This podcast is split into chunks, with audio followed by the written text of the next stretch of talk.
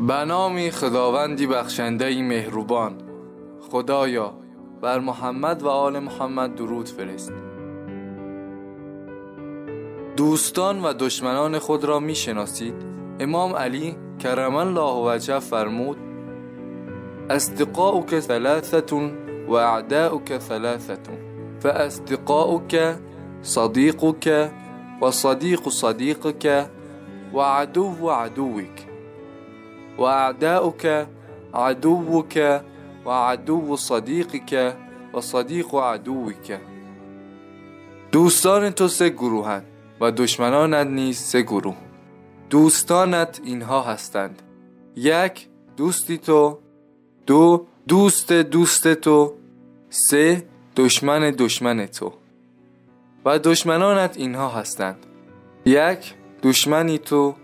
دو دشمنی دوستی تو سه دوستی دشمنی تو.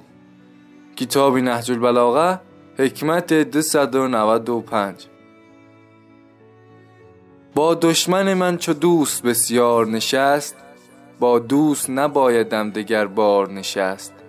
پرهیز از آن شکر که با زهر آمیخت بگریز از آن مگس که با مار نشست. بگریز از آن مگس که با مار نشست. خدایا ما را در شناخت دوستان و بهرهمندی از این دوستی و دوری از دشمنان و در امان ماندن از خطر آنان توفیق ده. خدا نگهدار.